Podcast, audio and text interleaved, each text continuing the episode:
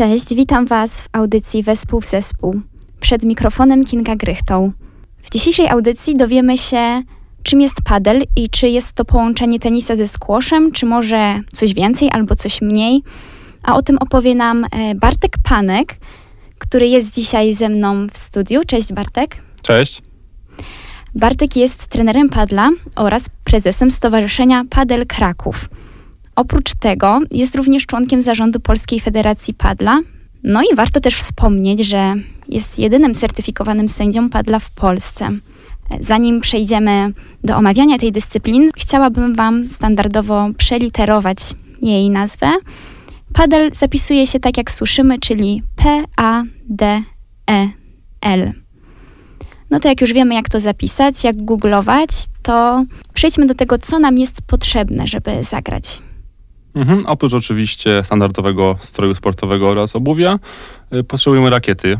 Rakieta, która jest troszkę inna niż takie wyobrażenie rakietowe, które mamy na temat squasha czy tenisa, ponieważ nie ma ona ciągu, jest zdecydowanie krótsza i jest podziurawiona. Jest robiona z specjalnej pianki i włókna węglowego, E, więc e, sposób odbicia jest zupełnie inny, ale o tym opowiem więcej za chwilkę. Mm, poza tym potrzebujemy piłki, która jest łudząco porównana do tenisowej, natomiast jest e, delikatnie mniejsza i ma mniejsze ciśnienie. Mm, I to wszystko musi odbywać się oczywiście na odpowiednim korcie. A jaka jest ilość osób?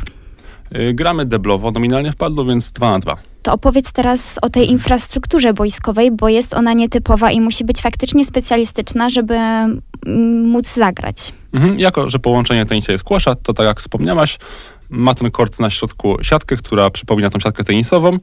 E, są też kara serwisowe, mm, natomiast co wnosimy ze skłosza to jest oszybowanie e, całości kortu, więc cała powierzchnia klatki bierze udział w grze.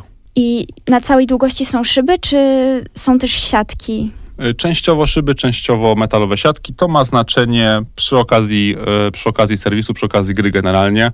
Będę się za, za tym za chwilkę za, więcej zagłębiał, jeżeli chodzi o zasady. Dobra. E, czyli tutaj mamy tą różnicę, że no nie tak jak w tenisie te piłki jakby nie mają pola ucieczki za bardzo, więc jest to o tyle ułatwienie, że nie trzeba po nie biegać, bo one są jakby troszkę zamknięte w tej klatce.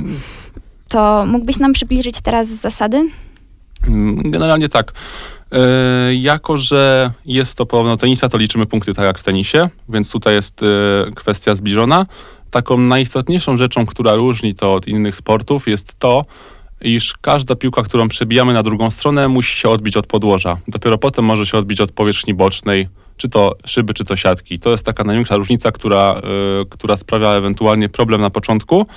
Poza tym występuje w padlu serwis dolny, y, czyli nie tak jak w tenisie uderzamy piłkę z góry, tylko najpierw y, od, musi się ona odbić od podłoża, natomiast potem dopiero możemy ją uderzyć maksymalnie na linii pasa lub poniżej. Poza tym nie chcę wgłębiać się w więcej lat generalnie, ponieważ jest to dość skomplikowane i jakby forma opisowa tutaj tego nie odda w całości. Ale są takie sytuacje, y, bo ja oglądałam filmiki i widziałam, że zawodnicy przybijają piłkę na drugą stronę siatki, będąc do niej odwróconych tyłem. Na zasadzie odbicia od ściany, która jest z tylnej ścianie i piłka odbija się i przelatuje za siatkę, więc jakby też y, ta klatka umożliwia grę zawodnikowi w 360 stopniach. Można tak powiedzieć. To jest element bardziej ze skłosza znany, kiedy tam też od tylnej szyby możemy odbijać piłkę do, mhm. do ściany przedniej. Tak, i jest też ten element takiej nieprzewidywalności e, w moim odczuciu, kiedy piłka odbija się właśnie od siatki, a nie od ściany, która jest szybą, no bo tak jak e, możemy mniej więcej przewidzieć e, kąt odbicia piłki uderzonej od szyby, to tak od siatki jest to bardziej nieprzewidywalne. Mhm. Generalnie to, że to jest nieprzewidywalna gra stanowi o jej atrakcyjności i o tym, czemu się rozwinęła generalnie na świecie i czemu mam nadzieję rozwinie się też w Polsce na dużą skalę. Czyli wymaga dużego refleksu i jakiegoś takiego dynamicznego. Trochę tak, ale niekoniecznie. Padel jest w tej, w tej dobrej sytuacji, że próg wejścia do gry jest dość niski. Tak jak w tenisie musimy opanować mniej więcej technikę, żeby trzymać ciągłość gry, o tyle w padlu możemy sobie pozwolić po prostu na lekką noszalancję, czy generalnie e, na powolne uczenie się, a przy tym ciągle mieć frajdę z gry. Ale y, jest też taki element, jak na przykład w bilardzie, że możemy sobie jak gdzieś tam wyliczyć, że jak mamy te ściany, to to tak się ta piłka odbija, czy, znaczy wiadomo, że przy szybkiej grze nie możemy wyliczać, ale jakby czy jest ten zamysł też taki... Mhm. Jak najbardziej. Taktyka jest, się. taktyka jest zdecydowanie bardzo, bardzo, bardzo ważna. Y, Przychodzi to z doświadczeniem, tak jak w każdej innej dyscyplinie. I jeszcze co ciekawe i co mnie zdziwiło, to tak, boisko jest ograniczone tymi ścianami, ale można też z niego wybiegać. Jeśli piłka przeleci nad ścianami, to zawodnik może wybiec z kortu i przebić piłkę z powrotem na boisko. Tak, właściwie padel ma mało ograniczeń w tym, w tym aspekcie, więc e, to stanowi o tym, że jest to bardzo widowiskowy sport, ponieważ wymiana nie jest skończona, kiedy nawet piłka wyleci z klatki. E, są bardzo widowiskowe akcje, może, może niekoniecznie na poziomie amatorskim jest to dość ciężkie, natomiast ci najlepsi to robią dość regularnie. Opowiedz teraz proszę trochę o historii powstania tej dyscypliny. Skąd przyszedł do Polski padel i jak przebiegało rozpowszechnienie tej dyscypliny na świecie? Mhm, y, Jest to dość stosunkowo młoda dyscyplina, bo powstała w latach 60. ubiegłego wieku, więc ma raptem 60 lat. Za genezę, za kolebkę jakby uznaje się Meksyk i Acapulco, gdzie Enrique Corquera wymyślił sobie, że postawi, że ogrodzi jakby ścianami e, swój kort tenisowy, dlatego że i właśnie tutaj są e, dwie hipotezy przynajmniej.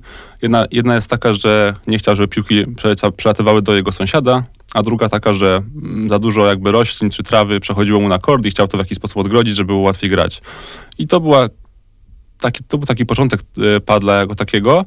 Parę lat później on się przeniósł do Hiszpanii za, mm, za pomocą e, przyjaciela Enrique Corkery i on tam w Marbei utworzył pierwsze korty. No i Hiszpanie na tym punkcie, e, można powiedzieć, zwariowali po jakimś czasie. E, to się również do, przyniosło do Argentyny i przez te mm, parę dekad formowało się to, w, jeżeli chodzi o struktury, zawodników, cykl rozgrywek.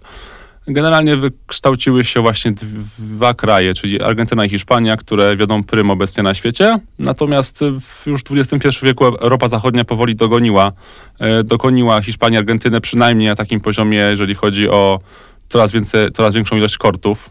E, Ciągle ten poziom jest za wysoki mm, dla Europy jako takiej, natomiast szał, jaki, jaki ogarnął chociażby Skandynawię, Francja też całkiem dobrze sobie radzi, e, jeżeli chodzi o budowę kortów i o grę. mm, Budzi podziw. E, Jeżeli chodzi o Polskę, u nas to się rozwija stosunkowo wolno, ale ostatnie lata nabrało to rozpędu. Pojawił się padel gdzieś w drugiej dekadzie mm, XXI wieku u nas. E, Początkowo w Warszawie, później również na Śląsku. Obecnie korty do pada są w paru nastu miastach w Polsce. W Warszawie, w Krakowie, mm, w Łodzi, w Gdyni, w Szczecinie. Mm, Kolejne inwestycje też powstają.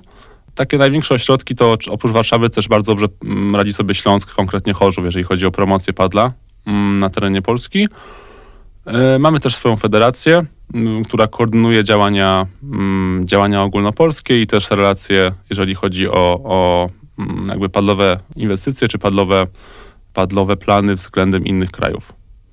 I tacy profesjonalni zawodnicy mają szansę zarobić też na, na grze w padla, tak jak w innych dyscyplinach, tak? Jeżeli mówimy o profesjonalistach zagranicznych, mm, szczególnie Hiszpanów, o Hiszpanach i Argentyńczykach, to tak. E, Natomiast w Polsce jest to. Mm, można zarobić ewentualnie na byciu trenerem i to w Warszawie, jeżeli chodzi o tą czołówkę w Polsce.